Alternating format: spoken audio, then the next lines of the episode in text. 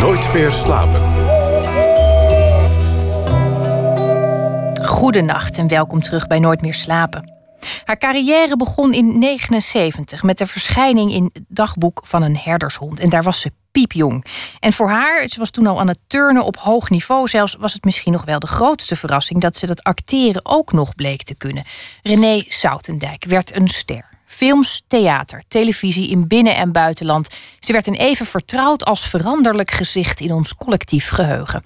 Hordes mensen herinneren zich haar seksappeal achter de frituur in dat gele hemdje. Maar ook de blik in haar ogen als ze naar een nazi kijkt, haar kwetsbare kale hoofd en haar vastberaden verschijning in politieuniform. In enkele decennia is ze erin geslaagd om tientallen levens te leiden en daar komt binnenkort een leven bij. Want het Noord-Nederlands toneel komt in maart met de voorstelling Borgen. Een theatermarathon van tien uur vol politiek en intriges... gebaseerd op de successerie uit Denemarken. En René Soutendijk, inmiddels ergens in de vijftig... speelt daarin journaliste en alcoholiste Hanne Hom. Scherpzinnig, intelligent, maar ook wankel en eenzaam. Een veelzijdige rol dus voor een actrice... die me daar eigenlijk volkomen aan gewaagd lijkt... René, fijn dat je er bent. Ja, ik vind het ook leuk. In deze drukke toestanden. Dat zijn dus ook repetities van uren, stel ik me voor, die jullie nu uh, beleven. Nou ja, we maken dagen van uh, nou, de tien tot zes meestal. Of uh, soms ook nog wel avondrepetities. Maar even een doorloop doen zit er niet bij. Hè? Want het is natuurlijk een voorstelling duurt ook van, van één uur s middags tot elf uur s avonds. En daar zit dan eten en wel breaks tussen. En, en, maar het is wel een, een, ja, een doorlopend geheel. En voor ons ook. Het is niet zo dat je als je niet aan de beurt bent, af mag. Je, iedereen is constant op het toneel. En dat is ook voor ons een hele nieuwe ervaring, maar wel heel spannend. Nou, je bent natuurlijk wel gewend aan het brengen van offers, ook qua moeite, tijd en uitputtingsslagen, kan ik me zo voorstellen. Toen jij gevraagd werd uh, voor deze rol, wist je toen direct waar het over ging? Keek jij, was jij een Borgen-liefhebber? Ja, absoluut. Meteen toen het uitkwam uh, was, ik, uh, was ik verkocht en heb alles gevolgd. de drie series. Wij doen op toneel maar de eerste twee. Uh, dus, dus als Birgit Nienborg premier is en, en het eindigt bij de herverkiezing. Um, maar ik was ja, absoluut een fan. Ik, ik vond het fantastisch. En ik was ook helemaal gefascineerd door het idee van ja, hoe moet je dat in godsnaam brengen op het toneel? En, uh, maar de, ja, Ola Mafelani, dus de regisseuse en uh, ook directrice van, van het Noord-Nederlands toneel, die is er al zo lang mee bezig en die had helemaal haar, ja, eigen idee en, en, en met heel veel passie heeft ze me dat verteld. En ik dacht, nou ja, dat is in ieder geval is het een, een hele spannende uh, belevenis. En ik had tijd. En, en dus ik ben daarin gesprongen. En, en ik, ja, tot nu toe is het hartstikke leuk. Is deze uh, rol, want ik, uh, ik, ik moet eerlijk zeggen, toen ik uh, Borgen ging kijken, ik, ik, ik, vond het direct ook prachtig. Maar toevallig is uh, Hanne Holm, die jij speelt, die journaliste, dat was eigenlijk direct mijn favoriete personage. Omdat het zo'n. Het is een hele intelligente vrouw, maar ze is ook heel alleen. Ja. En, en haar uh, intense behoefte om toch ergens troost te vinden, dat ontaart natuurlijk in een verschrikkelijk drankprobleem. Mocht je dat trouwens researchen? Dat je gewoon een paar keer. nou ja, het, het, moeilijke is als je zoiets gaat researchen door heel veel te drinken, heb je niet meer de getuige die jou bekijkt hoe je dat dan moet spelen. Dus je, dat, dat werkt niet altijd. Dat zat er niet in. Nee, dat zit er niet in. Maar. Um, ja, natuurlijk. Het is wel iemand die, die, die ik herken. Weet je, in zoverre. Je, probeert toch altijd uh, dingen uit je, uit je eigen leven parallel te trekken. En denkt van oké, dat kan ik gebruiken, dat kan ik gebruiken. Maar het is um, ja, iemand die gewoon he, heel erg. Um, uh, ja, zeg maar, activiste is en, en, en vecht voor een betere wereld en idealen. En, en dat is ook, zeg maar, met alle kracht die ze heeft en, en, en probeert. Ja, ze wordt in de voorstelling ook de, ja, de, de, de waakhond van het politiek eh, genoemd. Weet je. Ze heeft alles in de gaten, ze maakt analyses. Maar heeft er privé een puinhoop van gemaakt. Ze, was, uh, ze wilde een betere wereld maken, ook voor haar dochter. Maar heeft daarin haar dochter uh, verwaarloosd. En die relatie is, is gewoon niet, niet, niet meer in stand. En dat doet er pijn. En, en ze ziet de wereld veranderen. Niet op de manier zoals zij dat graag zou willen. En, en raakt verbitterd. ze werkt. ze kan nog goed functioneren, ondanks haar alcoholisme. Maar ja, het is een tragisch figuur. Maar, maar ja, ze is ook wel heel krachtig en, uh, en, en, en, en ja, komisch in haar uh, ja, zijn. In, uh, ze, ze, heeft geen blad voor de mond. Ze zegt alles wat er op de tong komt. Heerlijk eigenlijk. Ja, die gedrevenheid. Um, ik denk dat jij die ook wel had. Ik noemde het net al even. Je was op jonge leeftijd fanatiek met turnen. Gymnastiek noemde je dat vroeger, maar dat, dat was turnen. En uh, je was ook echt heel goed. Ik bedoel, dat, je zat in een heel hoog. Ja, ik, ja ik, samen met een vriendinnetje ben ik uh, eigenlijk vanaf mijn vierde tot uh, nou, met negen werden allebei geselecteerd voor het Nederlandse elftal. Of nee, niet elftal, gewoon het team. En uh, moesten dus elke vakantie uh, naar, naar Papendal en elke weekend trainen. En nou ja, het was, het was heel veel. En op mijn veertiende dacht ik van ja, god, er is nog wel wat anders in de wereld, wat ook allemaal heel erg leuk is. En ik, ik heb me ervan afgewend, ben ermee gestopt. Het is een hele radicale omslag. Als je dat vanaf je vierde doet, dan is dat. Ja, maar ja, ik, ik had ineens, ik merkte, weet je, je, wordt je, je, je realiseert je ineens wat je, wat je ook mist. Weet je, de, vriendschappen leiden eronder, school leidt eronder. Het is zo'n tunnelvisie. En, en eigenlijk ben je, ja, als je twintig bent, ben je, ben je oud. Uh, ja, met een D en met een T. In die wereld. En daarvan, ja, wat heb je dan, weet je? Wat, wat, dus het was meer een soort keuze van, nou, het was leuk, maar nu even iets anders. En, uh... Het is bijna een volwassen beslissing voor een meisje van 14. Ja.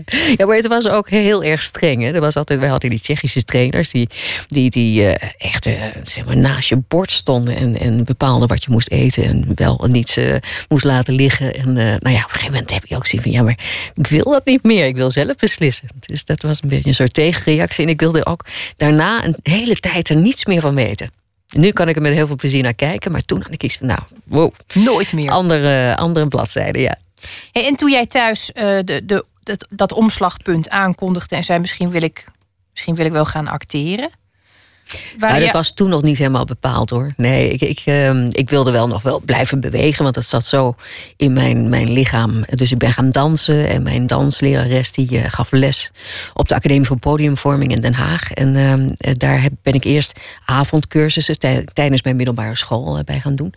En na mijn middelbare school ben ik daar naartoe gegaan. En dat ik ben cum laude geslaagd. Want ik, ja, ik vond het zo leuk allemaal. Maar dat was een soort kleinkunstacademie, dus ook zang en dans en, en speel. En, maar ja, er ging een wereld voor me open. Maar het was niet iets dat ik al vanaf heel jongs, aan, uh, jongs af aan uh, voor ogen had. Het kwam op mijn pad. Jouw moeder had dat wel, hè? Ja, mijn moeder, droom. mijn moeder die, uh, die, ja, die had altijd wel die droom, maar heeft dat nooit waargemaakt. Of kunnen waarmaken, had ze de gelegenheid niet voor. En, dus die heeft me altijd wel heel erg gestimuleerd. En uh, uh, ja, ik denk dat je dat ja, de onbewuste verlangen wel oppikt pikt als kind. En denkt van nou oké, okay, ik ga haar, haar onvervulde wensen vervullen. En dat is dan een motivatie om heel erg je best te doen. En ja, ik denk dat dat zeg maar on, onbewust zo werkt was zij echt zo'n uh, plakboekmoeder die dan alles uitknipte en ja. sommige moeders doen dat heel vol met plak. nou, niet met plakboeken, maar met knipsels. En ik weet eigenlijk niet wat ik ermee aan moet. Wat, wat, ja. Ik denk niet dat mijn kinderen daar nog iets mee gaan doen. En, en ik heb, ja, wij, wij hebben een, een opslag vol met, met, met spul, weet je wel, met, met carrières van, van mij en van mijn echtgenoot. En ik heb wat, ja, ik ga het niet. Uh, ik, weet niet of het, ja, ik weet niet wat ik ermee nee, moet doen eigenlijk. maar het was allemaal heel leuk en heel lief. De liefde zit natuurlijk in het uitknippen. En wat je vervolgens met die knipsels moet, dat weet ook geen mens. Ja, ingewikkeld eigenlijk.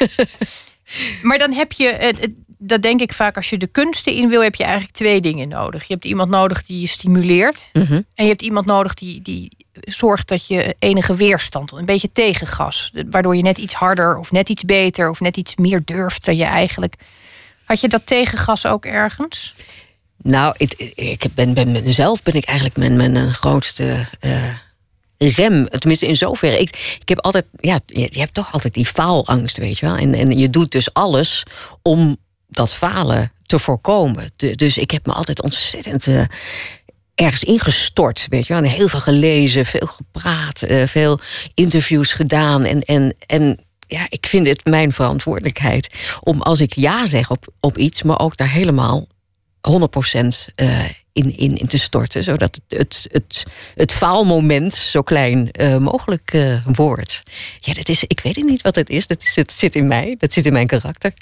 En dat is altijd mijn motor geweest eigenlijk. Dus de, de, de angst. Terwijl dat ja, angst eigenlijk een hele slechte raadgever is. Maar was het altijd wel van, nou ja, ik ga ervoor en ik doe dat.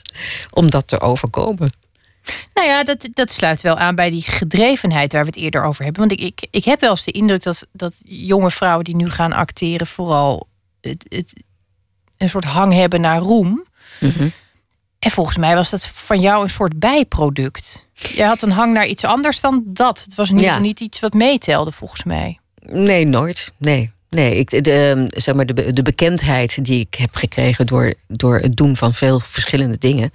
Uh, heeft wel ervoor gezorgd dat ik, dat ik werk had. Maar ik heb nooit ja, die behoefte gevoeld om, om, om als mijzelf uh, op de voorgrond te staan. Ik vind het wel heel leuk om een rol te spelen. En, en, en, ik vind het ook absoluut noodzakelijk als ik gespeeld heb en, en een product uh, heb afgeleverd met rond mij alle mensen die daarbij betrokken zijn. Want je doet dat niet alleen. Uh, en, en ik ben er trots op. Ja, dan, dan moet het bekendgemaakt worden. en moet aan de man gebracht worden. Dus alle publiciteit eigenlijk die ik ooit doe, is gerelateerd aan datgene wat ik te verkopen heb. En dat doe ik met heel veel liefde. Er zit een enorme nuchterheid in deze constatering. ja. Nee, ja, je verwacht toch altijd, uh, en zeker bij, bij actrices, grote actrices, verwacht je toch altijd dat ze op een gegeven moment um, een bepaalde vorm van, van divaschap of een bepaalde vorm van glamour omarmen. Of, ja, maar dat eh, is zo on-Nederlands. Dat hebben wij toch niet? dat, dat wil men soms in de, in de media uh, enorm in stand uh, houden of, of, of creëren, weet je, om een soort droomwereldje. Maar het, het, is gewoon heel hard werken en het is. ja, het is gewoon het is een vak. En maar een hartstikke leuk vak. En, en ja, god, dat, al die glamour in Nederland vooral ja, bestaat eigenlijk niet. Als wij met, met een, eh, een limousine aankomen bij een première, dan stappen we in. Om de hoek stappen we in. Met in een geleende jurk. En dan stappen, moeten we het allemaal weer inleveren als we aankomen, als het af is. Ja, sowieso, dat is Nederland. Ik denk ook dat er nog iets anders meespeelt. Want ik heb jou deze week, ik heb heel veel uh, van je vroege werk bekeken, teruggekeken. Was trouwens ontzettend leuk, want heel veel dingen waren net van voor mijn tijd of tijdens mijn tijd. Maar die had ik dan weer was ik vergeten tot ik ze zag, dacht ik, oh ja, dit. Ja. En wat me toen opviel is, je ziet wel eens mooie vrouwen waarvan je ook ziet wat ze ook spelen, dat ze zich bewust zijn van het feit dat ze mooi zijn. En bij jou ontbreekt dat eigenlijk direct. Wat heel raar is, want het moet je ergens in de afgelopen 50 plus jaar toch wel zijn opgevallen dat je prachtig was. ja. En dat zit er totaal niet in. Vanaf je, vanaf je zestiende, je ziet het niet. En, en nu ben je prachtig en je ziet het volgens mij nog niet. Want het weegt helemaal niet mee. denk ik, heeft niemand je in de tussentijd dan verklapt. Dat het... Ja, maar ijdelheid staat, staat acteren in de weg. Nou ja, dat, dat klopt dus. Want ik zie het er altijd doorheen bij vrouwen die dat hebben. Maar het is wel opvallend dat het bij jou ontbreekt.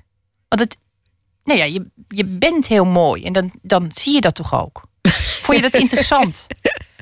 Of nou helemaal ik, ik, ik, ik, ik, kan eigenlijk heel moeilijk naar mezelf kijken. Dus ik, ja, ik, ik, ik, ik zie meer de imperfectie dan de perfectie van iets. Dus ja, het, ik, vind, ik vind het vreselijk als mensen uh, die, ijdel, die, die ijdelheid, wat jij zei, dat als dat als dat speelt, dan, dan staat het een rol in de weg. En ik, ik probeer me in elke rol toch weer zo open en, en, en eigenlijk naïef mogelijk op te stellen om, om ja, nieuwe informatie en nieuwe dingen te leren en, en informatie te krijgen. En, en, en ja, ik, ik, ik stel mij eigenlijk in dienst van die rol. Dat gaat soms heel ver, hè? want die, eh, ik, ik noemde dat net al even. Ehm, Als de dood heette die voorstelling Ja. over kanker. Je hebt natuurlijk je haar afgeschoren. Ja. Dat, dat is om, om meerdere redenen lijkt me dat ingrijpend. Dat- wat, wat je dan even vergeet, als, als normaal mens zal ik maar zeggen... is dat, je- ik bedoel, jij kunt dat dan niet thuis weer je haar aandoen... als je klaar bent met werken. Nou, ik had wel een soort pruikje wat ik dan opzette. Want ik, ik wilde niet al die blikken van die mensen. Maar, ja, ik dacht van, nou ja, ik vind het prima om, om, het, om het te doen. En het was goed voor die rol. En het geeft, geeft een bepaalde kwetsbaarheid. En dat, voor het gevoel was het, was het. En ik heb daar Het is heel bewust erg voor naakt. gekozen. Echt het is heel heel naakt. naakt, ja, absoluut. Eh, Wat, Maar- wat gebeurde er op het moment dat je dat ging doen? Heb je het zelf gedaan thuis? Nou, nee, ik heb, iemand heeft het eh, voor mij gedaan. eh Leendert is eh, de, degene die zeg maar, het- de make-up en haar verzorgde bij die productie. Bij de opzet daarvan. Ehm, ja, het was, het was wennen. Maar ik vond, tijdens productie vond ik het ook helemaal eigenlijk geen probleem. En ik loste dat op met een gewoon pruikje op, met een sjaaltje eromheen. En dan, ja, eigenlijk zag niemand het. Ehm, ja, daarna krijg je natuurlijk, als die productie dan voorbij is, dan denk ik van ja, dan duurt het heel lang weer voordat het een beetje een redelijke lengte heeft om weer gewoon er wat mee te kunnen doen. Dus ehm, eh, ik had er geen spijt van tijdens. En daarna had ik iets van, god ja, dit is wel heel erg lang. Ik mag nou wel een beetje weer, eh, weer wat, eh, wat anders. Want dan weet je, ook blik vooruit en dan ja, weer een andere rol. En dan past niet altijd dat hele korte koppie. Dus eh, nou ja, het, ik, ik, ik, heb, ik doe dat. En, en ik sta erachter. En ik eh, vind het geen probleem. Het zijn, nou, dat, dat zijn, het zijn nogal dingen. en natuurlijk hoort het erbij dat dat, ehm, dat, dat moet Het je ook in maar een rol haar, gaan zien. Weet je ja, wel? En ik, is eh, maar ja, haar. En je hebt de keuze gehad. Ja. Je, je bent natuurlijk niet. Ja, en niet echt ziek geweest. Nee, gelukkig. Nee. Ja. Als je zo'n zo'n rol hebt als dat je nu krijgt in, in Borgen. Dat is toevallig ook een vrouw die in de serie. Dat wordt nergens volgens mij expliciet genoemd. Maar in de serie wordt het wel gesuggereerd dat ze ook vanwege haar leeftijd een beetje weggeduwd wordt van televisie. Ja. Ook dat is iets wat eh, gaat spelen als je actrice bent in Nederland en je kijkt naar het aanbod voor, nou ja, 50-plus actrices. Ben je daar zelf eh, teleurgesteld in geweest? Nee, niet, nee, niet teleurgesteld. Het is wel zo dat, dat er minder mooie rollen te spelen zijn in deze leeftijdsfase. Voor vrouwen Voor of in het algemeen? Nou ja, ja vrouwen meer dan, dan mannen. Ehm, en theater is wat dat betreft iets minder. eh, ja, dat luistert iets minder nauw dan, dan film- of eh, televisiewerk. Eh, omdat je daar, ja, die, die leeftijdsrange is wat breder. Ehm, ja, maar het is ook een re- realiteit gewoon. Het is, het, is ja, ik, ik, ik heb toch altijd eh, van kijk niet te veel terug, maar blik vooruit en kijk wat er mogelijk is. En probeer te werken met, met dat wat er wel is, in plaats van te, ja, te, te, klagen over dat wat er niet is. Eh, Nou ja, ik vraag het me altijd af, omdat ik het zo eigenlijk zo vreemd vind dat we massaal veel ouder worden. Eh, en dat die leeftijdsgrens maar niet meeschuift. Denk ik, we zitten toch op een gegeven moment in een heel vergrijsd Nederland. Er zitten al die eh, 80-plussers die we rijk zijn, gelukkig maar en gezond. Die zitten allemaal naar twintigers te kijken op televisie. Dat is toch op, op een gegeven moment ook merkwaardig. Nou ja, Ja, nou ja, god, je, je hebt zeg maar een omroep Max die, die voorziet in, in, in eh, producties eh, voor die doelgroep. Maar het is natuurlijk niet. eh, het zijn mensen die, die niet heel veel ehm, geld meer uitgeven. eh, of of eh, niet heel veel op nieuwe media zitten. Dus, dus niet eh, zeg maar de. de, de heel veel series kijken. Of, of weet je, het, is, ehm, het is niet een commerciële doelgroep.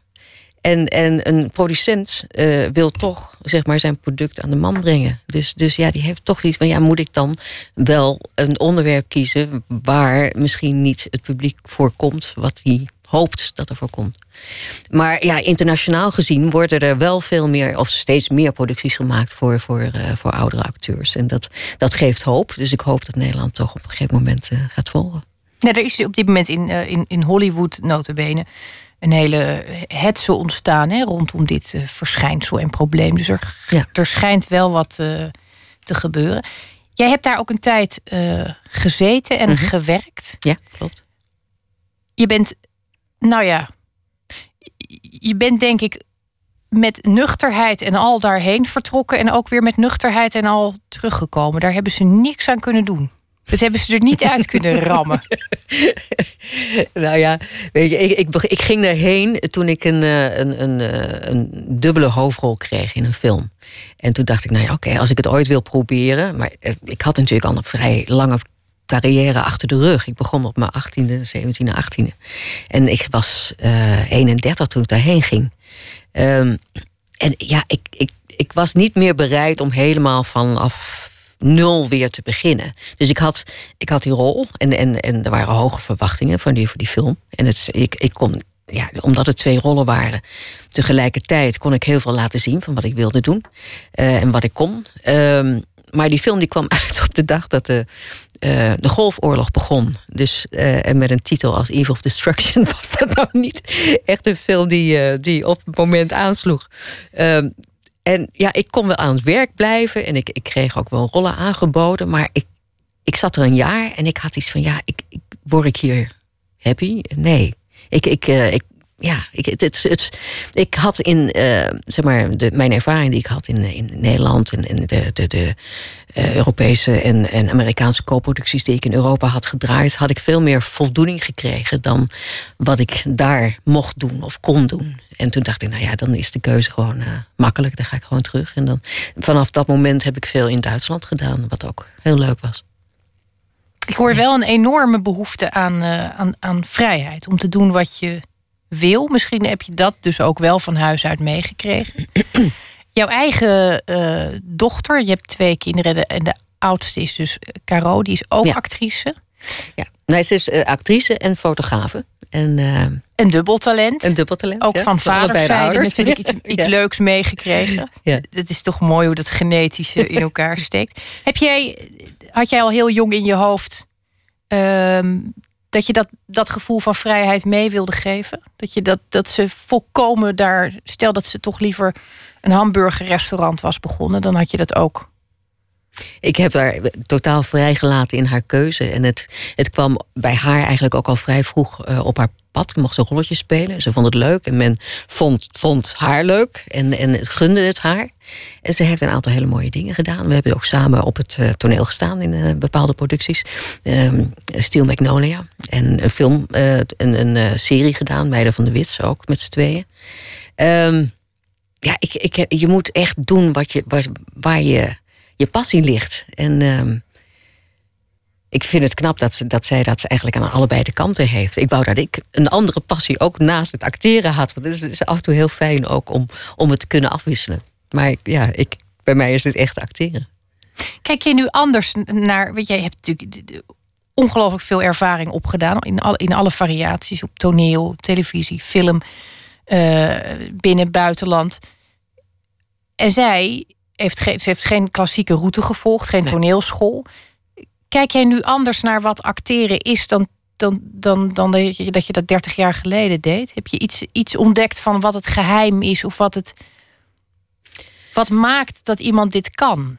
Dat dit lijkt wel aangeboren te zijn. Het is toch een Ja, ik denk ook dat het, een, dat het iets aangeboren is. Dit is natuurlijk, je kan, kan de techniek leren, maar, maar um, zeg maar de, de, ja, de openheid of, het, of de, het, het feit dat, dat uh, ja, uh, bepaalde gedachten of, of, of inleving registreert en overkomt.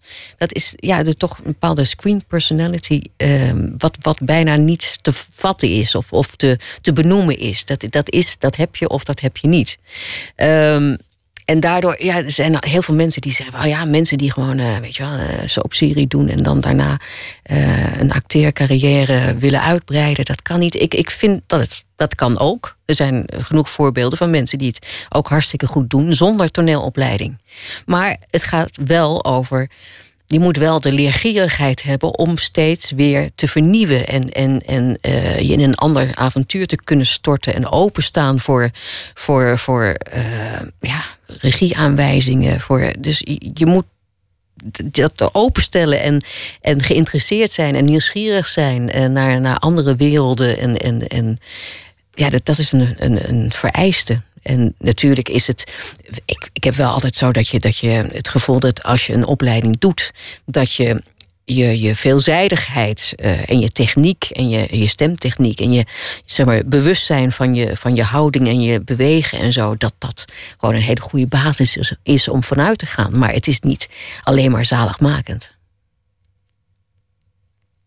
Ik vind het altijd heel merkwaardig om te zien wat er gebeurt als je een actrice eerst spreekt, dan op het podium zet en er. Nou ja, dat is dan niet meer dezelfde persoon. Ik blijf dat, dat blijft het soort kinderlijk magische effect hebben. Misschien dat ik daarom ook zo. Uh, ik ben echt een theatermens, veel meer dan een filmmens. Omdat ik die uh, omschakeling zo fascinerend vind. En ik blijf dus ook nieuwsgierig naar wat dat is. Nou ja, en als ik jou zo hoor, dan blijf jij daar ook nieuwsgierig naar. Wat echte vinger erop leggen kun je natuurlijk nee, nee, niet. Nee, nee. Ik heb ook, uh, ook wel les gegeven, maar ik, ik merk gewoon dat ik. Ja, het is ook, het is ook uh, intuïtie. Uh, en ik, ik kan dat heel moeilijk verwoorden. Het is iets waar je, ja, wat, wat ontstaat. Door... En misschien moeten we het ook helemaal niet willen verwoorden. Bij deze rol, uh, om nog heel even terug te keren naar Borgen, had jij natuurlijk een heel groot voorbeeld in je hoofd. Ben je terug gaan kijken? Ben je de, de, de rol van Hanne Holm op gaan zoeken om te zien hoe doet zij het? En, nee, tot nu toe heb ik dat nog niet gedaan. Nee. En ik, heb geen idee of ik het nog ga doen. Als ik zeg maar op een gegeven moment momenten moet spelen waarvan ik denk van hé, ik weet, ik weet even niet zo goed hoe en wat. Uh, en en uh, misschien dat ik het ter inspiratie nog doe. Maar ik, ik weet je, je kan je kan je laten inspireren door, door andere acteurs en actrices. Maar het kopiëren levert niks op. Want het moet toch vanuit binnen, eh, van binnenuit komen. Het kan natuurlijk ook ontzettend in de weg gaan zitten. Ja, ja, ook dat. Zeker bij een productie waar heel veel mensen naar gaan kijken. Ja. Met...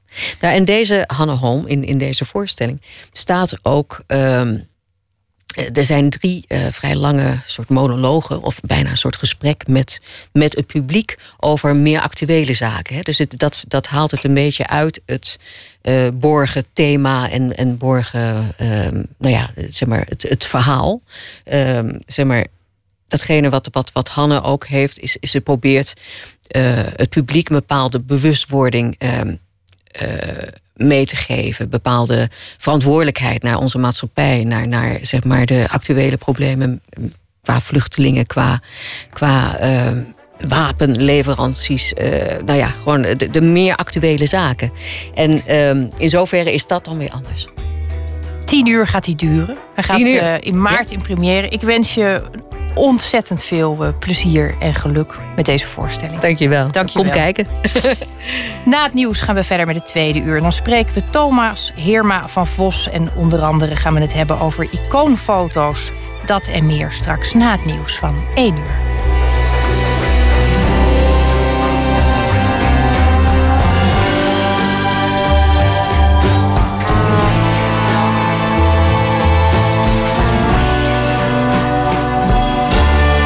Radio 1.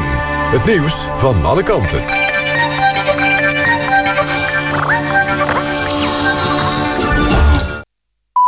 Het is 1 uur, Waterwalgemoed met het NWS Journaal. Het seizoen van shorttrekker Shinky Knecht is voorbij... door een harde val tijdens de wereldbekerfinale in Dordrecht.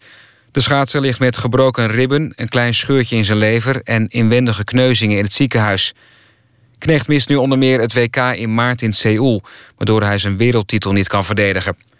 De shorttrekker ging onderuit tijdens een inhaalactie... en werd op de borst en de kin geraakt door de knie van een Britse schaatser. Na 10 minuten behandeling op het ijs werd hij afgevoerd naar het ziekenhuis. PvdA-kamerlid Monash wil dat zijn fractievoorzitter Samson... geen lijsttrekker wordt voor de volgende Tweede Kamerverkiezingen.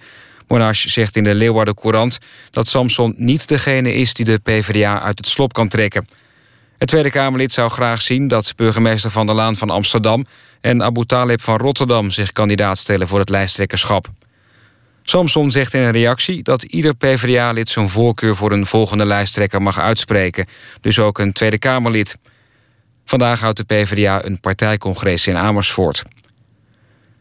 Paus Franciscus en patriarch Kirill van de Russisch-Orthodoxe Kerk zeggen dat christenen worden uitgeroeid in veel landen in het Midden-Oosten en Noord-Afrika.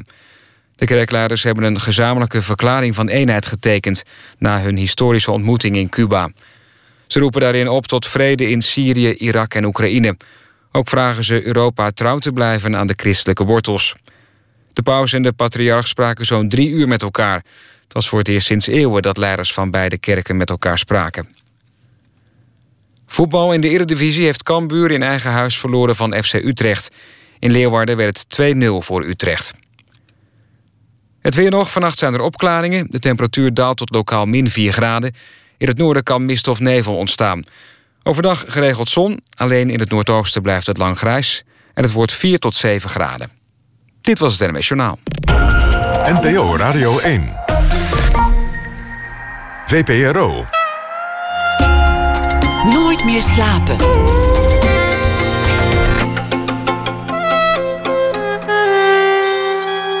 Met Esther Naomi Perquin. Goedenacht en welkom terug bij Nooit meer slapen. Een vervallen huis in Detroit afbreken om het vervolgens in Rotterdam plank voor plank opnieuw te bouwen. Dit gebeurt deze dagen in het kader van Art Rotterdam. En straks gaan we kijken hoe het ermee staat. Filosoof Jan Drost komt ook nog langs naar aanleiding van het programma Liefdesbiecht. En daarvan is de Valentijnseditie op komst. We beginnen natuurlijk met proza dat reageert op het nieuws van de voorbije dag. Deze week verzorgd door schrijver Thomas Heerma van Vos. In 2009 debuteerde hij met De Allestafel. En recentelijk kwam er nog een thriller die hij met zijn broer Daan schreef, Ultimatum. Thomas, goedenacht. Goedenacht. Gisteren schreef jij een uh, nogal lyrische ode aan een film. En toen dacht ik in het kader van het evenwicht... eigenlijk verwacht ik vannacht iets heel grimmigs. Of, of misschien heb ik ongelijk en ben je gewoon een heel gelukkig mens. Um, nou, dat laatste, dat, uh, dat, daar kan ik niet zo snel op antwoorden. Maar ik zal niet nog een keer een ode doen. Ik dacht, één ode in de week lijkt me genoeg. En ik had eerder ook al een stelling, een hele expliciete of een hele nadrukkelijke stelling. Die heb ik ook niet. Ik had nu meer een ja, overpeinzing, gedachte-experiment. En niet over film, maar over muziek. Ik weet niet of je dat uh, gevolgd hebt, maar het was een beetje de dag, of het waren eigenlijk de dagen van Kanye West. Uh, de, de, de rapper die zichzelf uh, inmiddels als veel meer dan rapper ziet. En als een moderne Shakespeare en Michelangelo wat hij allemaal ook noemt. En die had vannacht een vrij uh, ja, wat zal ik zeggen, een vrij geschifte albumpresentatie die wereldwijd in bioscopen werd uitgezonden van een album dat nog helemaal niet uit is.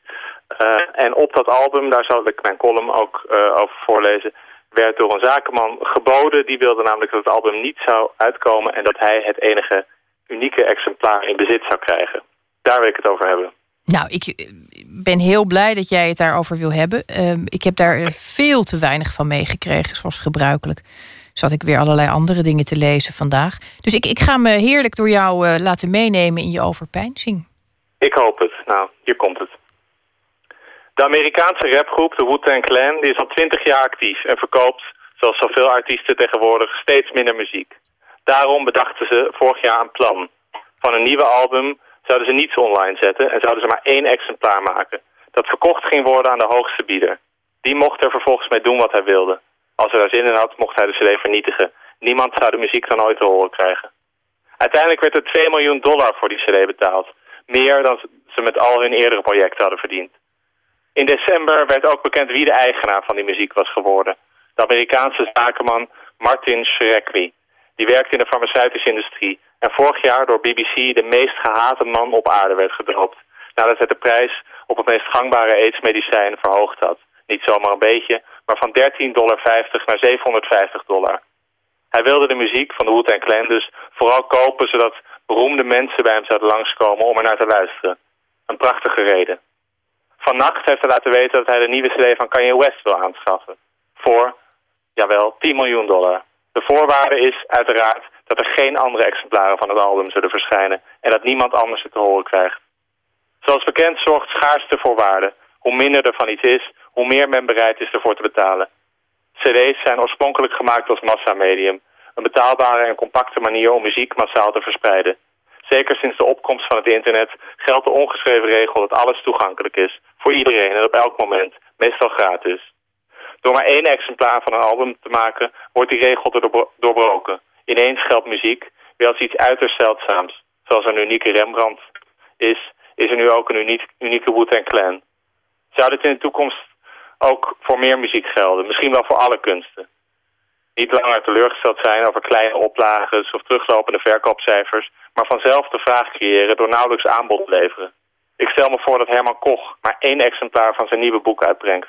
Hoeveel zou er voor betaald worden? Zou hij daar meer mee verdienen dan met de reguliere uitgaven? Of zou hij er hoe dan ook tegen zijn omdat, wat mij nu ook zo vreemd lijkt voor de Wood Clan, juist dat waar je dan jaren aan hebt gewerkt, vervolgens onzichtbaar blijft. Geen publiek leven kan gaan leiden. En toch, misschien werkt dit wel. Als men maar hoog genoeg biedt, valt vermoedelijk iedereen, elke artiest, wel tot dit project te verleiden. 300 exemplaren verkopen is teleurstellend. Eén exemplaar verkopen kan de toekomst zijn. Ik vind het een hele mooie overpeinzing, uh, Thomas. En wat ik me vooral afvraag, hoe moet het voelen om heel rijk te zijn, in een groot huis te wonen, dan een zaaltje te hebben waar bijvoorbeeld één schilderij hangt? Wat prachtig is, maar wat je met niemand kunt delen. Wat je helemaal alleen moet zitten. Eh, ja, dat lijkt me heel, heel vreemd. Het lijkt me zo eenzaam. Ook als je of, of een schitterend stuk muziek of een, of een briljant gedicht. En niemand anders kan het. Kan, niemand anders kan ook zeggen dat je eh, goede smaak hebt. Dat lijkt me ook nog eens een keer lastig als, als tikje narcistische persoon. Ja, zeker. Dan heb je eigenlijk geen idee of je, of je nou kwaliteit in huis hebt. En ik denk dat je dan heel veel mensen gaat uitnodigen. En ik weet ook niet of je die vervolgens allemaal werkelijk over de vloer wil. Maar ja, je wilt toch wel dat de kunst die je hebt gehoord of gezien of wat dan ook wordt. Uh, ik zou ook, stel ik heb een cd waar er maar één exemplaar van is, doodsbang zijn dat die kapot ging of gestolen werd. Maar misschien is dat meer particuliere angst. Maar goed, ik zou er allemaal van dat soort dingen bezig zijn. Het lijkt me een heel vreemd gevoel inderdaad. Zou jij bereid zijn voor, uh, nou, wat, wat, wat zou de prijs zijn die je zou vragen om, om een roman te schrijven voor één persoon? Ja, daar zat ik ook over na te denken. Nou, die, die uh, als ik heel... Uh, ja, als ik alles voor de kunst deed, zou ik natuurlijk zeggen nee, hoe dan ook niet. Maar ja, als de prijs maar hoog genoeg is, dan, dan denk ik het wel. Um, maar niet voor, uh, weet ik veel, het dubbele van wat ik nu met een boek verdien. Dat moet dan wel echt significant meer zijn. Dus dat zou dan wel in de, ja, ik ga geen bedrag noemen, maar echt heel hoog. Ik zou daar jaren van moeten kunnen leven. Goed. Maar dan zou ik het wel overwegen. Thomas Heerma van Vos. We gaan uh, eens even afwachten hoeveel mails van uh, geïnteresseerde miljonairs er vannacht binnenstromen. Ja, dankjewel. Hartelijk dank voor je bijdrage deze week. En slaap lekker. Dank je. Sinds een paar maanden plaatst de uit Oxford afkomstige Cameron A.G. met enige regelmaat nieuwe muziek online. En wij plukken daar dan weer wat van af. Zo ook dit nummer, Way Back Home.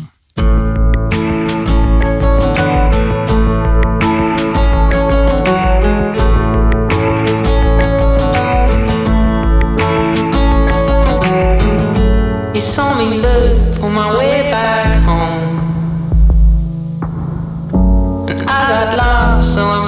stay. The thought of leaving always chills my bones. You'll come back and haunt me someday. And if I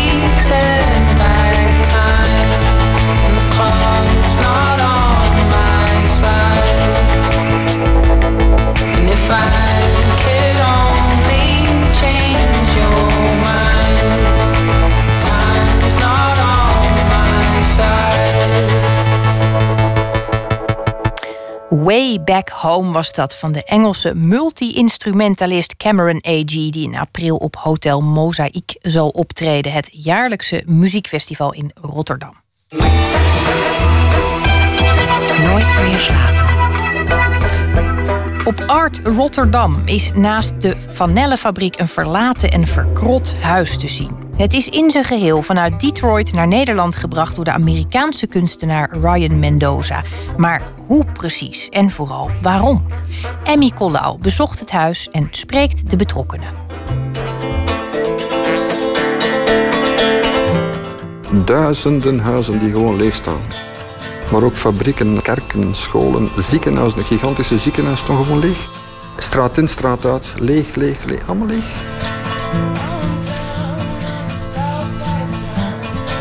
Ja, Amerikaanse droom, American Dream. En dan, het is eigenlijk een Amerikaanse nachtmerrie geworden. Motor City, oftewel Detroit. Het was ooit het trotse hart van de Amerikaanse auto-industrie. Maar nu een halve spookstad. Door het sluiten van de autofabrieken is de stad leeggelopen. De laatste hypotheekcrisis lijkt de stad nu definitief de das om te hebben gedaan. Er zijn 700.000 mensen minder in Detroit. De stad Antwerpen is maar 450.000 inwoners. Dus meer dan heel Antwerpen weg, kunt u dat voorstellen. De Vlaming Geert Verbeke is kunstverzamelaar, maar had ooit een groot transportbedrijf. Ik spreek hem tijdens Art Rotterdam op een bijna surrealistische plek. In de schaduw van de monumentale oude Vanellenfabriek staat namelijk een verkrot huis uit Detroit. Helemaal compleet. We staan er nu middenin en kijken zo tegen de binnenkant van het dak aan. Ik begrijp het ook niet goed hoor. De banken moeten nu betalen om die huizen te laten afbreken. Dus dat kost ook nog eens zoveel geld. Ja, ik snap het niet. Verbeke was de man die zorgde voor het transport van Detroit naar Rotterdam. Het op het eerste gezicht een beetje rare plan om een krot compleet en wel hier naartoe te halen, kwam van galeriehouder Jeroen Dijkstra en de Amerikaanse kunstenaar Ryan Mendoza, die al zo'n 20 jaar in Europa woont. Dijkstra werkte al een tijdje met Mendoza toen hij opmerkte dat de schilder steeds vaker Amerikaanse huizen afbeelden. Zij schilderde huizen, noemde dan het adres, Orchard Street, Zoveel. Toen heb ik hem gevraagd van waar komt dat nou vandaan? Toen heeft hij mij dus ook verteld over zijn uh, fascinatie. Dat hij dus na twintig jaar weer terug was in Amerika. Dat hij langer in Europa was geweest dan dat hij tot zijn zeventiende in Amerika was. En dat hij daar opeens iets tegenkomt wat hij niet meer herinnerde. Dat dat op die manier nu met de maatschappij en, de, en dus die huizencrisis en de financiële crisis, dat hij daarmee geconfronteerd werd. En dat die huizen zo dat eigenlijk symboliseerden. En toen ben ik met hem in, uh, toen zei ik tegen hem, ja, dan zouden we dus eigenlijk dat huis zo hier naartoe moeten halen. Dat mensen dus zien. Ik heb zelf ook in Amerika gewoond en wij hadden allebei een soort meteen zoiets van op die manier zouden mensen in Europa kunnen zien wat daar aan de hand is. Ryan Mendoza werd geboren in New York en is vooral bekend vanwege zijn schilderijen. In de verkrotte huizen van Detroit vond hij een symbool voor wat er volgens hem aan de hand is in zijn vaderland.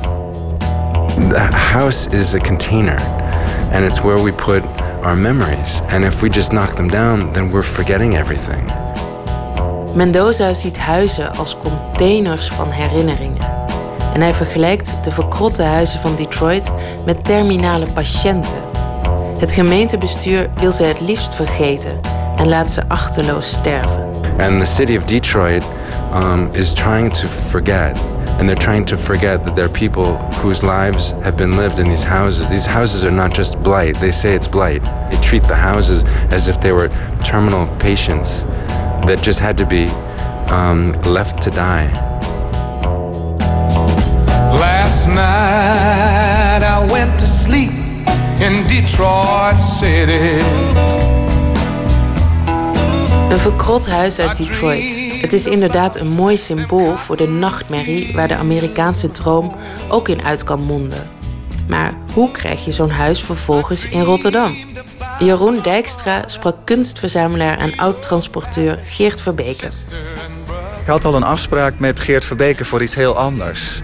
Dus ik ben daar toen naartoe gegaan naar mijn afspraak. En aan het einde van die afspraak zei ik tegen Geert... ik heb iets leuks voor je. En ik, ik had al van andere mensen gehoord dat hij wel van een uitdaging hield. Dus ik heb in een notendop aan hem verteld van nou, we willen dus gewoon een heel huis uit Detroit hier naartoe halen. Geert was meteen enthousiast. Die zei meteen van dat gaan we doen. Dus die had ook dat, dat idee. Want Geert komt natuurlijk ook uit een, een eenvoudige achtergrond in, in België. En die, uh, ja, het is echt een soort jongensdroom of zo. Of een jongensboek. Of een, uh, zoiets van dat als we dit met z'n drieën voor elkaar kunnen krijgen. Toeval is dat niet. Ik was inderdaad vroeger transportondernemer. Transport op- en overslag. En ik heb onmiddellijk gezegd, dat, ga, dat doe ik. Omdat ik dat zo'n fantastisch project vind. Ja. Eigenlijk is dat niet zo ingewikkeld. Maar ja, iemand die er geen benul van heeft voor een container te laden, voor noem maar op. Ja, je dacht gewoon, ik ga er naartoe, dan breken we dat huis even af. Dan stoppen we het in een container, op een boot. Twee containers, twee containers naar België gekomen, naar Antwerpen. Cause you know I rode a freight train north to Detroit City. Met een beetje moeite wist Ryan Mendoza de hand te leggen op een compleet vervallen huis. Het is zo'n typisch houten Amerikaans suburbhuis. Een huis dat ooit vriendelijk geoogd moet hebben, met een lieflijke veranda. Het bizarre aan dit specifieke huis was dat er binnen nog van alles te vinden was. Radio's, meubels, muziek, familiefoto's zelfs. We're right now in the house. And I'm pointing over to an angle of the house where the the father, the grandfather of 38 children who would have lived in this house, um, he would have died here in his bed. He was a bicycle repairman. Het huis stond aan de Eetmaal, nummer 20194. Het bleek het huis van de familie Thomas. Vanaf de jaren 60 tot 2012 woonden opeenvolgende generaties hier. Opa Thomas was fietsenmaker. Mendoza wijst naar een hoek van het huis. Daar, daar is hij overleden. There were hundreds of photographs that I found in the house of the family members. They just left them there? They were all abandoned there under the under the insulation material, uh, just in the garbage. You used to live here. You used to live here. Really? When I was a kid.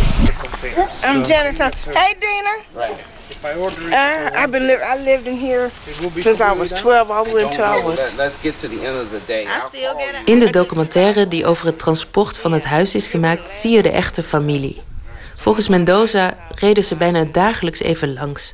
En waren ze er trots op dat hun huis zou blijven bestaan. Yeah, I told your mom died in 05. Yeah. How you doing? Well, Richard call y'all? A lot of kids grew up in this house. De familie staat er eigenlijk best vrolijk bij en ze lijken er niet echt onder te lijden. En dat maakt nieuwsgierig. Wat is er nou eigenlijk gebeurd met de familie Thomas? Two of the members of the Thomas family may have been um, having some drug dependency issues. So there was that also to deal with. But you have to understand that if the government taxes a people that they don't have the possibility to have jobs, and they continue to be taxed for the house, they're not going to be able to pay for those taxes, and then they're going to lose their houses, and then the city's going to be vacant. Er waren problemen met drugs. Maar belangrijker nog, met de belasting. Wie geen baan heeft en toch belasting moet betalen, verliest zijn huis uiteindelijk. We hebben een bepaald beeld van Amerika. Maar als je er woont, zoals ik dat ook gedaan heb... en dus je ziet dat als mensen hun baan verliezen... Uh, dat er dus dan ook gewoon niks is. En uh, toen ik daar woonde, een vriend van mij, zijn vader verloor zijn baan. Uh, eerst verkoopt hij de auto, dan verkoopt hij het huis. Dan gaan ze een huurhuis.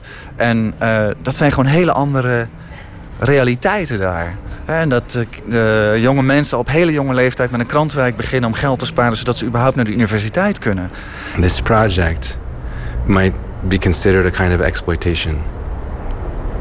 Seen in a more profound way, it's, it's a connection. En nu is het huis van de familie Thomas opeens kunst. En wordt bewonderd door het kunstminnende publiek tijdens Art Rotterdam. Exploitatie van armoede? Ryan Mendoza begint er zelf over. Hij is er zich zeer bewust van hoe fout dat kan klinken. Je verhuist de ellende van de een voor heel veel geld naar een kunsttentoonstelling aan de andere kant van de wereld en maakt er vervolgens goede sier mee. Hij zou er zelfs eens rijk van kunnen worden. In Detroit zijn ze het onderhand gewend. Er is zelfs sprake van een heel nieuwe toerisme-industrie. Mensen die naar de ellende van anderen komen kijken. Maar Mendoza wil absoluut geen ruïneporno maken, zegt hij zelf. Ja, heb je weer zo'n kunstenaar en die moet zo nodig dan een, eh, zo die arme mensen uit Detroit. Nee, het gaat echt gewoon over. Dit is wat nu de realiteit is daar. En de enige manier dat jullie daar in contact mee kunnen komen, wij dus hier in Europa, is door dat gewoon dat hier neer te zetten en dat je het hier kan zien. De schilder verfde het complete huis wit. Tegen de voyeur, zegt hij. Het wit laat het licht weer kaatsen en leidt af. Het is als een deken over een lijk. People like to look at other people's vulnerability, their, disgrace. When somebody trips and falls, people will look and potentially laugh or enjoy it somehow. This is a Schadenfreude in German. It's this lust after somebody else's um, disgrace. Become a little bit like um, like um, putting a cloth over a dead body. I'm gonna go back to the loved ones, the ones I left waiting so far behind. I wanna go home. Detroit House van Ryan Mendoza is te zien tijdens Art Rotterdam en wordt daarna verhuisd naar de Verbeke Foundation in België, waar het ook te bekijken zal zijn. Emmy Collau sprak met de kunstenaar en met verzamelaar Geert Verbeke en Jeroen Dijkstra van Livingstone Gallery. One, two, three, four.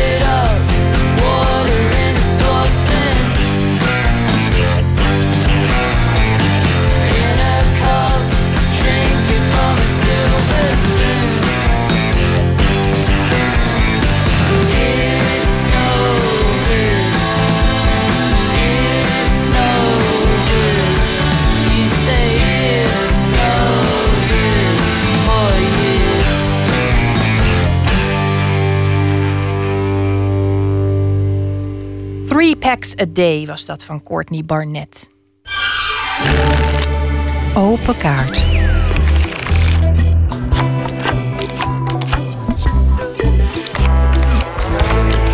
In onze rubriek Open Kaart bepaalt de gast zelf welke vragen er worden gesteld aan de hand van het toeval. Er zitten 150 kaarten in de bak met vragen over werk en leven.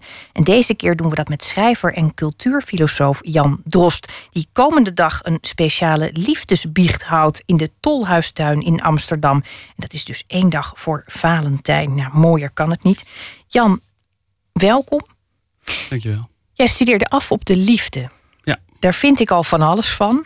Ehm, je geeft ook liefdescolleges en je Ja. schreef onder andere het boek Het Romantisch Misverstand. Ja. Eh, Beschouw je jezelf nu als een, als een expert op het gebied van de liefde, als er al zoiets bestaat? Eh, nee, maar het doet wel iets met je als je er niet alleen privé, maar ook met je werk mee bezig bent. Dus mijn aandacht is er heel veel. Ik ben er heel veel met mijn aandacht mee bezig. En dat, eh, dat vind ik heel prettig. We zitten natuurlijk eh, in de, in de liefde opgescheept met een heleboel ehm, misverstanden. Een deel daarvan eh, geeft ons ook altijd weer de moed om door te gaan. Bijvoorbeeld het idee, de ware komt nog. Vind ik altijd een hele mooie. Oh ja, dat vind ik een hele deprimerende gedachte. Ja, vind je dat een- dat is, dat is een soort. Dat, dat, er komt heel veel vermijdingsgedrag uit voort, namelijk. Dat, dat op het moment dat het dan niet lekker gaat in een relatie, dan denk je altijd: ja, het ligt niet aan mij, het ligt niet aan jou, het ligt aan onze combinatie. Dus als het slecht gaat, ga je onmiddellijk zeg maar, al over de schutting kijken naar wat er nog verder rondloopt. Dus ik vind de zoektocht naar de ware, vind ik, dat vind ik een soort, bijna een soort religieus geloof in voorbestemming. En dat vind ik heel jammer, want het, het, het, het zorgt er eigenlijk voor dat je niet met je aandacht en je, en, je, en je concentratie bij degene bent die echt is, die er wel is, zeg maar. Het maakt de liefde een beetje een soort droom. Ik heb altijd gedacht, dat het, het- voor, voor mensen die constant maar hun hart gebroken krijgen, dat het Mhm. een hele bemoedigende gedachte is. Dat er toch nog ergens wel een ridder op het witte paard aan de horizon zal verschijnen op een dag. ja, anders, als dat niet zo is, als je dat, die hoop niet meer hebt, al is het een illusie, dat, illusies zijn toch ook heel troostrijk. Ja, maar is het niet ook nog veel. Ik vind het nog veel hoopvoller dat. eh, dat je niet moet wachten tot het een keer gebeurt, maar dat, je, dat het mogelijk is om van- van meerdere mensen te houden. En dat het heel veel te maken heeft met in hoeverre jij in staat bent om, om liefde te maken samen met, met, met een ander. Dus liefde is, ja, liefde is niet maakbaar, dat gaat te ver, maar je kan veel, liefde veel meer vorm geven dan je misschien zelf eh, denkt. En romantiek suggereert een beetje, iedereen kan lief hebben. Ehm, en, maar het is gewoon een kwestie van geduld of je de, of, of je de ware tegenkomt. Maar dat is heel, ja, op het moment dat je elkaar dan gevonden hebt, is de gedachte ook: eh, als je de ware hebt, dan hoort het vanzelf te gaan. Nou, de gedachte dat het vanzelf hoort te gaan in een relatie is, is op zichzelf ook weer een, eh, een groot misverstand, want dat, zo werkt het niet. Ik bedoel, Ik wat ben, nu, je? Ja, ik ben nu acuut heel benieuwd. Hoe, hoe ziet jouw liefdesleven eruit? Want ik, ja, moet je je voorstellen dat je dus een vrouw bent en dan, Mhm. dan zie je een leuke man. Eh, zoals Ja. jij, jij komt binnen en de- die vrouw denkt wat een leuke man. En dan vraagt ze wat doe je zoal. En dan raak je in gesprek. En dan zeg jij nou ik ben expert in de liefde. Nou, zo zou ik het nooit zeggen, maar ik, ja, dat is wel mijn, mijn werk inderdaad. Het lijkt me een enorme afknapper vaak. Of, of beangstigend Ehm, ook. Nou, de, de- ik, ik heb wel eens meegemaakt dat vrouwen daar heel erg zenuwachtig en dan heel erg een soort ideaal gedrag gaan vertonen. En dat is, dat is, dat is niet helemaal de bedoeling. Wat deden ze dan? Ja, dan gaan ze allemaal. Ja, gaan ze proberen hele wijze uitspraken erover te doen. En dan hoor je allemaal wandtegeltjes voorbij komen. En eh, eh, dat is een beetje zonde eigenlijk, want da- daar gaat het juist helemaal niet om. Ja, mijn hele boek gaat over dat, dat, dat voorbij die romantische misverstanden, als je dat zeg maar afbreekt. Dus zeg maar de eerste helft van het boek zijn een soort afbraakwerkzaamheden.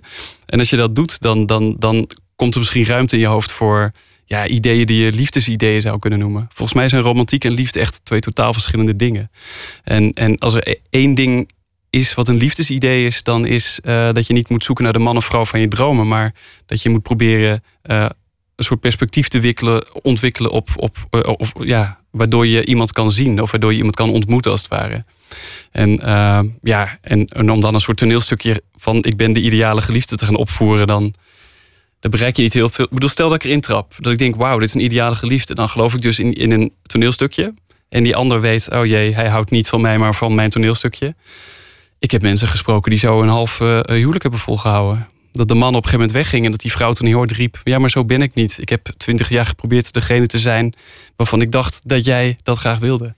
Nou, dat is treurig. Ja, dit lijkt me een heel veel voorkomende valstrik. Ja, precies. Ja. Die, Ja. die ehm, liefdesbiecht, de, Ja. de Tolhuistuin in Amsterdam. Wat, wat, ehm, wat is dat precies? Waar gaat het over? Ja, dat, dat is eh, Nita Kersten is dat. Ze is echt een geweldig iemand. Die, eh, ze is theatermaakster of regisseuse. En zij bedacht op een gegeven moment... Nou, ik loop met allemaal kwesties over de liefde rond. Ik geloof in 2013 was dat. En die dacht... ehm, eh, ik, ik wilde een soort dag, of ik wilde een soort hele bijeenkomst aan wijden, zeg maar.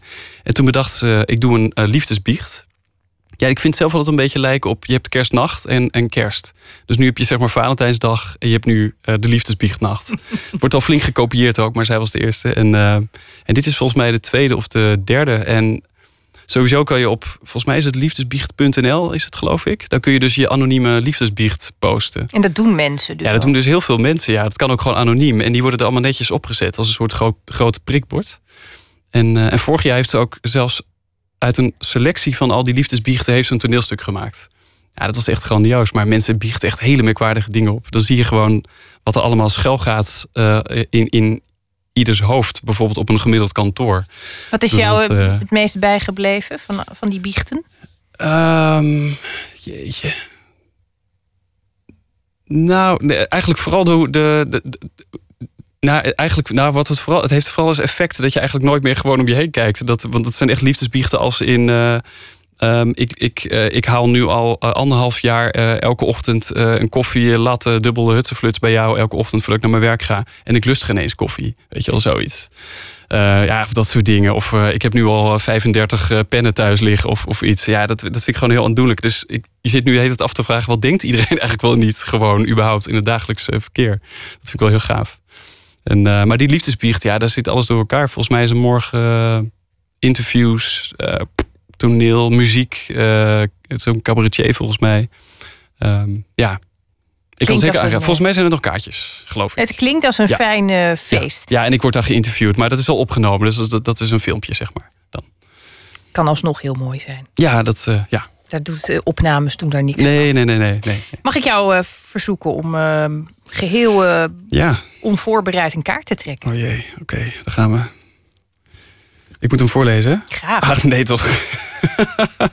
Is het, gaat het allemaal hierover? Er staat, eh, wat, wat zoek je voor eigenschappen in een geliefde?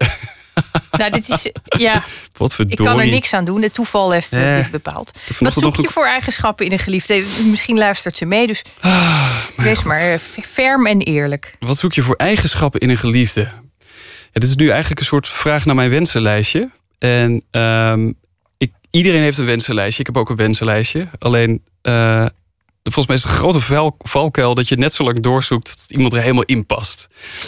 Ehm, en het allergeweldigste vind ik eh, dat mijn geliefde eigenschappen heeft... die ik echt nooit had kunnen bedenken. Waar ik ook echt heel erg van stond te kijken in het begin. En waarvan ik nu denk, wauw, eh, op een gegeven moment kan je niet meer zonder. Ehm, Zoals?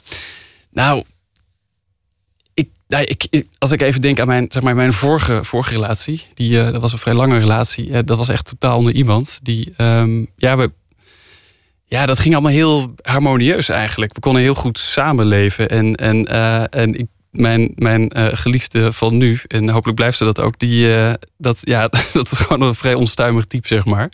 En eh, die is echt geweldig oprecht. Maar dus het is niet, zij is niet het type vrouw dat je dan zeg maar drie weken later nog eens een keer hoort wat je toen eigenlijk niet goed deed. Dat is gewoon bam, lik op stuk. Daar schrok ik me echt in het, in het begin helemaal rot van. maar ik vind dat nu echt super. En ik merk dat ik het zelf ook begin te doen. Dus het is heel fijn. Het is gewoon heel lekker. Het is heel echt, maar het, is, het, het gaat er af en toe lekker aan toe. Ehm, maar basiseigenschap, jeetje, ik, ik, eh, volgens mij heb ik niet heel veel eigenschappen, want ik, ik, ja, ik Maar waar veel- zou je niet, echt niet zonder kunnen in een, in een ja, relatie? echt niet zonder kunnen. Ja, ik, ik, nou ja, het klinkt, ik bedoel het helemaal niet klef, want ik meen dat echt heel basaal. Ik, ik, ik, ik, ik, ik, ik kan er niet goed tegen dat ik me niet veilig voel bij iemand. En dat bedoel ik niet als eh, heel eh, sentimenteel veilig, maar echt gewoon in een soort basisveiligheid. Ehm, en het grappige is, ik weet niet hoe dat kan, maar op de een of andere manier weet je heel snel of je dat bij iemand hebt. Dat weet je volgens mij echt al bijna na, na de eerste avond of zo. Of na de eerste. eh, Daar vergis je je meestal niet zo in. Ehm, en dat, dat, ja, dus je, je hebt ook mensen die zoeken juist de onveiligheid bij een ander. Die zoeken juist het, het, gevaar en bla bla bla. Maar ja, dat is dan meer een soort kort avontuur, denk ik. Maar ik denk dat als je- als je, je veilig voelt bij elkaar dat, en, en, en je wil allebei een langdurige relatie, dat je daar op basis daarvan echt enorm kan groeien en, en, en avontuurlijk wordt. En, eh, maar als die basis er niet is, dan ben ik echt een enorm neurotisch typeje. Dan ben ik echt continu. Op de middelbare school was ik echt gewoon ziekelijk jaloers ook. Ik was gewoon de hele dag bezig met waar is ze en wat doet ze. En het was vreselijk. Ik was echt een compleet overspannen puber als ik verliefd was. En eh, ik ben blij dat ik dat niet meer zo heb. eh. ja. Kun jij Ja. bijvoorbeeld, zou- je bijvoorbeeld met- een humor, zou je ooit verliefd kunnen worden, denk je, op een humorloze vrouw? Of Absoluut op een, onmogelijk. Nee, ik vind dat echt een van de meest eh, eh, aantrekkelijke dingen. En, en ja, als, je, als je zo begint, wat, wat erotiseert, dan is het humor en intelligentie, die twee. Dus ik, ja, dat klinkt een beetje. eh, Ik bedoel, ik zeg niet dat heel veel vrouwen dom zijn, maar als een vrouw niet al te intelligent is, ja, dan kan ze nog zo mooi eruit zien, maar dan, dat, dan zie ik het gewoon niet meer. Dat, dat vind ik echt de meest. Ja, volgens mij is het Douglas Coupland die in Generation X schrijft, die intelligentie erotiseert. Dat heb ik op mijn studentenkamer heel lang op mijn behang eh, gehad. Dat vind ik wel, ja, dat moet wel. eh, ja, Schopenhauer zegt ook, ik bedoel, je moet je afvragen wat je de grootste deel van de tijd met elkaar doet. En dat is waarschijnlijk eh, gesprekken voeren en ideeën uitwisselen. En eh, dat vind ik wel heel gaaf als dat lukt. Ja, ja en, iemand moet ook wel gewoon zijn eigen ding hebben of zo. Dus dat, dat, dat, iemand moet gewoon zijn eigen. Ik bedoel, zij is zangeres en dat, dat, er zit heel veel tijd en energie in. En ik, dat vind ik heel fijn dat ik, dat ik, dat ik haar moet delen met, met, met die muziek, zeg maar. Zoals zij jou deelt met de filosofie. Ja, en met schrijven, ja zeker. Ja, want als iemand dat niet begrijpt, dan eh, krijg je zelfs daar jaloezie op. Hè? Dat, dat kan heel gek zijn. Misschien, ik weet niet of je dat herkent, maar Het lijkt me heel griezelig. ja. Dat, eh, Trek nog een kaart. Ja, oké. Nou jongens, even heel iets anders. Iets met eh, wat vind je voor eten lekker of zo? Nou ja, wie was je eerste liefde? Ik zit hier met mijn handen in de lucht. Ik is doe echt dit waar, niet. het is niet gescript dit. Wie was je eerste liefde? I- In levende lijven bedoel je echt? Fysiek? Kun je je dat nog herinneren? Ja, dat was uh, middelbare school. Ehm, Oh nee, nee, dat was de lagere school. God. Ja, ze zijn meestal eerder hoor. Ja, die was op de lagere school. Ja, ze heette eh, Ines. Oh, Ines. jeetje, wat heel erg. Als je luistert, hallo. Ehm, ja, daar was ik heel erg verliefd op. En, ik, ik, ik- en het erg is, het is echt iets... Het, ik weet, ja, daar heb ik ooit een onderzoek over gelezen. Maar de nare dingen onthoud je veel erger. Hè? Als je daaraan denkt, dan voel je ze fysiek. Ze zei, ik mocht haar dan thuis brengen. En dan, dan nou ja, op het schoolplein ging ze bij mij achterop zitten. En dan fietste ik, ging ik haar naar huis brengen. Op de lagere school. En, eh, maar ik had niet helemaal door dat vrouwen of meisjes dan hun benen aan één kant van de bagagedrager hebben. Dus ik had niet helemaal gekeken waar haar benen zaten. En ik fietste rakelings langs zo'n rood-wit gestreept paaltje. Dus ik heb haar gewoon van mijn bagagedrager, bagagedrager afgeveegd. Gewoon letterlijk gewoon. Ik veegde er zo eraf. Ik kon echt zo'n bonken en het was echt huilen en het was echt vreselijk. Het, ik, het, ik schaam me gewoon nog als ik eraan denk. Ja, dat was pijnlijk. Ja, maar dat was Ines. Ja, ik was Hoe oud was je op toen? Eh, tien.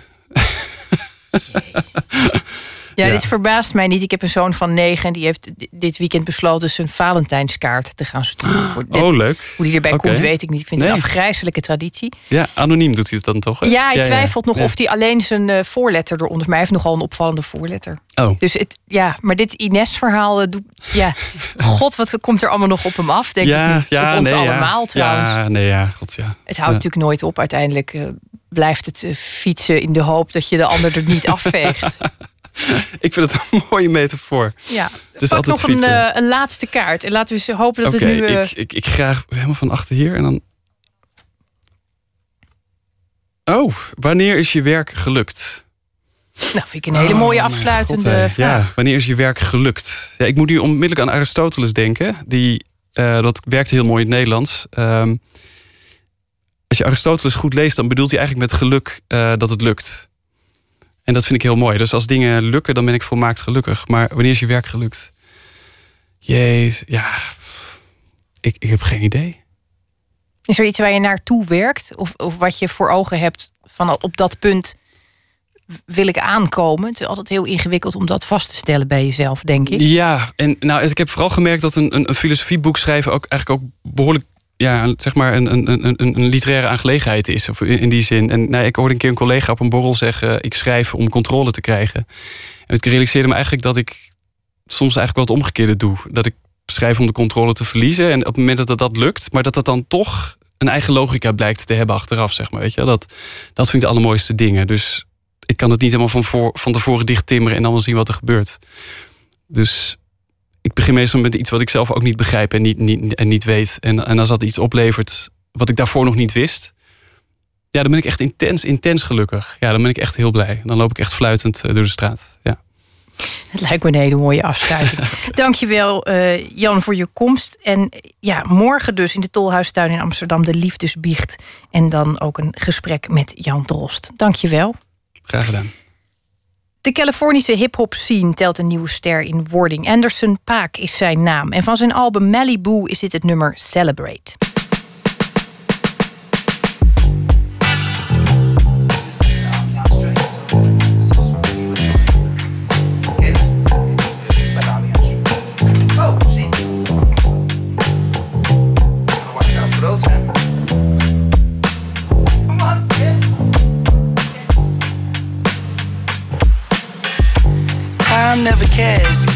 You're there or not there. All you ever needed was a simple plan. But you're doing well. I mean, you're not dead. So let's celebrate while we still can. I know what they say. I could give a care. They talk so much on me. I must be doing something right.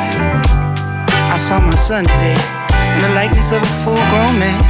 So I'll celebrate while I still can. Ooh, on a clear day, you can see West LA, even downtown. I remember when I couldn't even see the point of stepping out the motherfucking house. Let it go, let it go, let it go, let it go, let it go, let it go, let it came too fixing the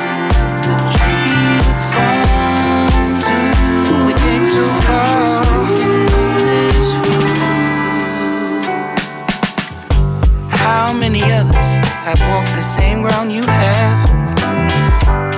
You'd be wise to pay attention to your old head. I spent the whole day throwing records in the deep bag. So let's celebrate while we still can. Captivated the fruits of my family tree. Where would I be without you? What would you do without me? It'd be a bad look talking about what could have been. So let's celebrate while we still can.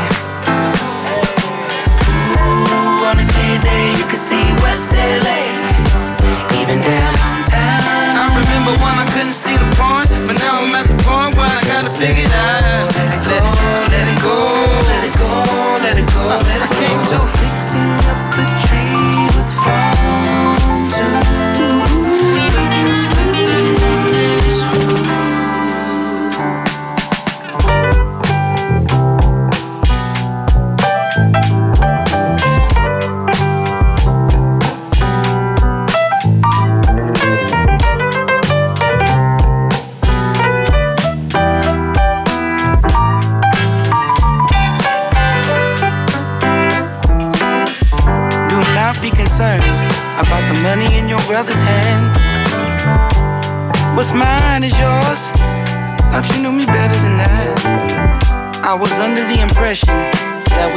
want the best of life. So let's celebrate while we still can. Celebrate was dat van Anderson Paak. Nooit meer slapen. In het Museum van Hilversum wordt deze week voor de eerste keer een festival voor nieuwsfotografie georganiseerd. En onze nachtcorrespondent voor vanavond is Jan-Paul de Bond. Jan-Paul, jij was daar vanavond. Wat is dat voor festival? Ja, het is eigenlijk een beetje een vervolg op de uitreiking van de Zilveren Camera. Dat was eind januari. Eh, in het museum in Hilversum is nu vier dagen lang naast een expositie van de foto's eh, behorende bij die, die eh, Zilveren Camera-wedstrijd, is er, er zijn er vier dagen lang lezingen. Ehm, niet alleen voor fotografen zelf, maar ook wel voor het publiek. Over eigenlijk alle kanten van de, van de nieuwsfotografie. En jij was daarbij vanavond. Ik was er vanavond bij en ik heb gesproken met Martijn Klepper. Hij is eh, onderzoeker aan de Erasmus Universiteit. Aan de Erasmus Universiteit in Rotterdam en eh, ook aan het VU in Amsterdam. Hij doet onderzoek naar de visualisering van nieuws. Waarom zien we de beelden die we zien? Hoe komt die selectie ervan eh, tot stand? En welke verhalen worden ermee verteld? En hij gaf vanavond een lezing over de icoonfoto's van de vluchtelingenproblematiek. En wat hij heeft gedaan, hij heeft twaalf foto's meegenomen naar zijn publiek. En eh, samen met het publiek uitgemaakt welke als meest iconisch kan worden beschouwd. Nou, wat beeld, welk beeld komt bij jou als eerste op als je denkt aan de vluchtelingencrisis? Eh Aylan op het strand. Dat jongetje. ja, precies. Nou, die zat er natuurlijk tussen. Maar wat hij ook had, was de foto van die, die vluchtende vader. Die zit eh, op een bootje en die, die omklemt zijn twee kinderen zo. Maar het waren niet alleen foto's uit het buitenland, dus ook foto's uit Nederland van ehm, bijvoorbeeld die, die toestand in eh, het Drentse dorpje Oranje. Dat die, die dame probeert die auto van eh, de staatssecretaris tegen te houden. Dat zou voor hem ook kunnen gelden als een van de iconische eh, foto's van de vluchtelingenproblematiek. Ehm, maar wat zijn verhaal is, die ene iconische foto, eigenlijk is die er niet. Althans, nog niet. Er zijn altijd een aantal foto's die heel veel gepubliceerd zijn. En dus op die manier door veel mensen in zich op zijn, uh, op zijn genomen. Maar dan nog steeds uh, is, is mijn stelling vaak bij foto's... is dat je persoonlijke verhaal of de persoonlijke context... waarin jij foto's tot je krijgt... bepaalt heel erg wat voor indruk dat op je maakt. En ook in hoeverre je ze uh, blijft herinneren. En bij de, voor de een is het ene verhaal belangrijker... en voor de ander een ander verhaal. En daar hoort dus ook een andere foto bij. En, en, en mijn stelling is dat een aantal van dat soort foto's... op die manier nu een beetje in ons collectief geheugen... zich langzaam aan het nestelen zijn. En het is maar de vraag welke dat echt blijven. En daarvoor zijn we heel erg afhankelijk van wat er nog gebeurt. En wat, hè, wat zich allemaal nog zal ontspinnen de komende maanden. Oh, sorry. Ja, ik, hij viel weg. Ik hoorde hem niet meer. Zal ik gewoon aansluiten dat we gaan Ja. knippen? Ja. Kortom, de tijd moet eigenlijk leren welke van die foto's eh, over een generatie heen wordt getild, zoals hij dat zelf noemt. Nou was er vanavond ook Eddie van Wessel. Hij is de winnaar van de Zilveren Camera. eh, voor een serie die hij in Syrië maakte. En hij was het niet helemaal eens met Martijn Kleppen. Nou, in zoverre niet mee eens. Er zullen zonder meer eh, heel veel facetten zijn die heel complex zijn en die dus in meerdere foto's uitgelegd kunnen worden. Maar de foto van Alan Kurdi, die dus met zijn gezicht in het zand ligt als eh, hulpeloos kind, onvoorwaardelijk overleden. aan een zee, hè, dus eigenlijk gewoon de, de hele ruimte voor zich, maar er niet van kunnen benutten. Ja, dat, dat is een beeld wat, wat zoveel emotie losmaakt... dat ik wel degelijk denk dat dit een symbolisch beeld is en ook eh, zal blijven. Dat zal over, zeker op langere termijn symbool staan voor, voor dit moment. Ja. ja, volgens hem is die, die, die ontzettende. Ja, die, die foto die je eigenlijk niet uit je hoofd meer krijgt als je hem eenmaal gezien hebt, dat jongetje op het strand. Dat is volgens hem dus echt het icoon van deze crisis. Klopt. En, en Martijn, die, Martijn Kleppen, die onderzoeker, die is daar misschien nog iets minder van overtuigd. Althans van het feit dat het zo'n iconische foto gaat blijven. Maar hij heeft wel een interessante theorie over waarom deze foto zo binnenkomt. Eh, ook al is dat dan misschien maar voor korte tijd. Hij trekt een parallel met eh, die bekende foto van de Vietnamoorlog.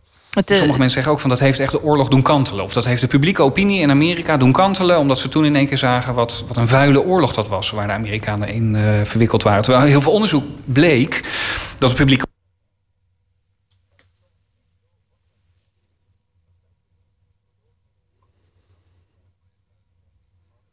Ja, oké. Ja, het meisje dat, dat, dat naakt eh, over straten rent eh, met, een, eh, met het napalmbombardement. Precies. En dat is net als bij deze foto eigenlijk een voorbeeld van iets waar de publieke opinie op dat moment rijp voor was. Sommige mensen zeggen ook van dat heeft echt de oorlog doen kantelen. Of dat heeft de publieke opinie in Amerika doen kantelen. Omdat ze toen in één keer zagen wat, wat een vuile oorlog dat was. Waar de Amerikanen in eh, verwikkeld waren. Terwijl heel veel onderzoek bleek dat de publieke opinie was al aan het kantelen. En in dat kantelende gewricht van opinies komt deze foto in één keer. En dan zie je dat de opinie verder kantelt. En dat is denk ik ook het geval bij deze foto geweest. Dat gebeurde ook in een tijd dat we nog niet eh, de, de problemen hadden met vluchtelingen hier, of zoals die ervaren worden. Maar puur dat we al wel heel veel in het nieuws zagen dat de bootjes eh kapseizen. Dat we niet zo goed wisten wat we ermee aan moesten. Dat er in Italië gedoe was en in Griekenland gedoe was. En dan ook nog eens in dit geval spoedt er een jongetje aan op een strand... waar ook nog eens heel veel mensen in de zomer op vakantie eh, bruin liggen te worden. Ja, maar waar ik dan benieuwd naar ben. Destijds, toen die foto eh, zeg maar uitkwam, begin oktober, vorig, begin september vorig jaar was dat.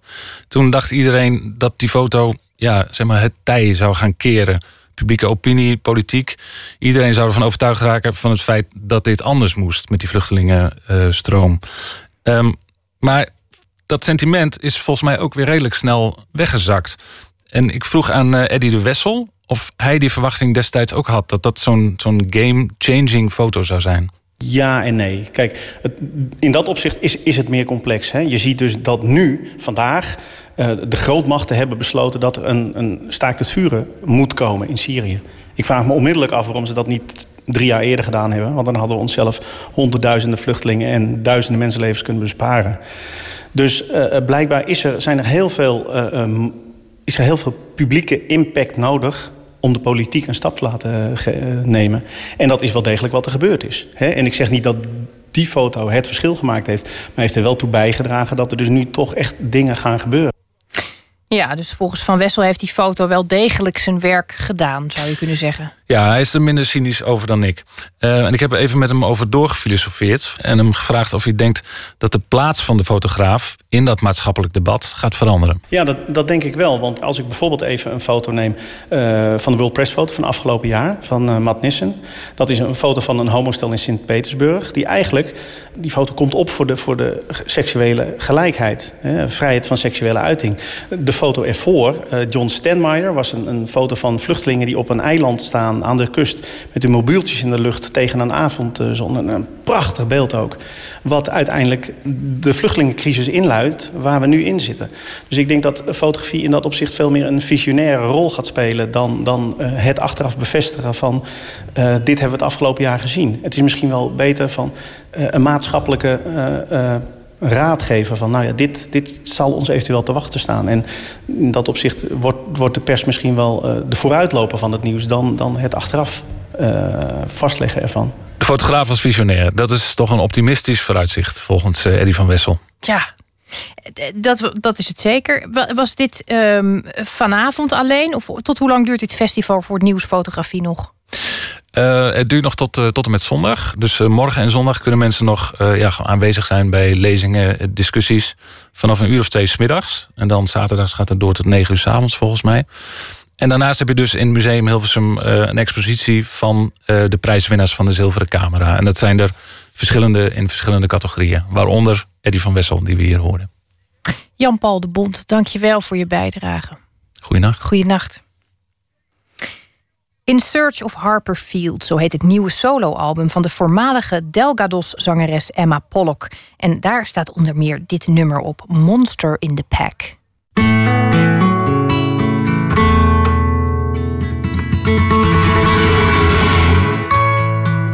To the rock where the monkeys steal as we walk by. And the night owl who serenades from homely skies. Buying cherries in the brown paper bag on a street stall. There's a monster in the pack. Buying cherries in the brown paper bag as the storm creeps. And he says he's got my back.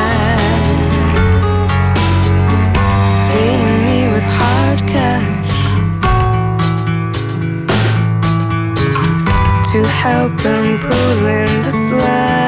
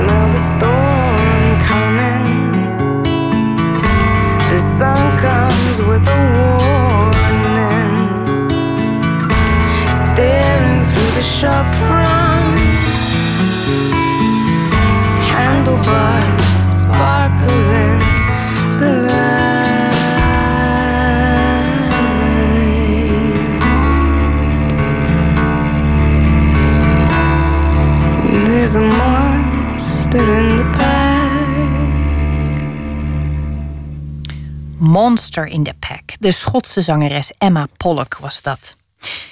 En deze week krijgt u iedere nacht een gedicht te horen dat door schrijver en dichter Yannick Dangre is uitgezocht. Op 22-jarige leeftijd debuteerde hij met de roman Vulkaanvrucht en zijn poëziedebuut volgde in 2011. De bundel Meisje dat ik nog moet. Sindsdien verschenen er nog twee romans en een dichtbundel.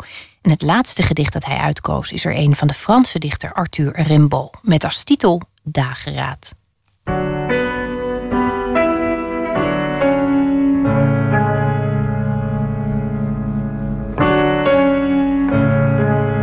Een van de meest geniale mensen die ooit geleefd heeft... en voor mij echt een van de aller, misschien wel de beste dichter ooit... is Arthur Rimbaud. Een Fransman die leeft aan het eind van de 19e eeuw... en hij was een soort ziener, vond hij zichzelf in de poëzie. En hij heeft een bundel geschreven die heet Illumination. Dus illuminaties, eigenlijk de dingen die een helderziende ziet... En hij heeft daarin een gedicht geschreven dat Dageraad heet. Dageraad. Ik heb de zomer dageraad omarmd. Er bewoog nog niets aan het front van de paleizen. Het water lag doodstil. De schaduwen bleven op de bosweg gekampeerd. Door mijn voetstappen ontwaakten de heldere en milde briesjes. En de edelgesteenten keken toe. En de vleugels verhieven zich zonder geluid. De eerste hofmakerij volgde op het bospad, al gevuld met frisse en bleke schittering, toen een bloem haar naam zei. Ik lachte naar de blonde waterval die door de sparren heen haar haren losgooide. Aan de zilveren kruin herkende ik de godin. Toen lichtte ik één voor één haar sluiers op. In de laan, met armgezwaai. Op de vlakte, waar ik haar aan de haan verriet. In de stad vluchtte zij, tussen de klokkentorens en de koepeldaken. En rennend als een bedelaar op de marmeren kade zat ik haar achterna. Boven aan de weg, bij een laurierbos, omvat ik haar met vergaarde sluiers. En ik voelde iets van haar immense lichaam. De dageraad en het kind vielen aan de voet van het bos. Bij het ontwaken was het middag. Dit was Nooit meer slapen. Tot volgende week. Op Radio 1, het nieuws van alle kanten.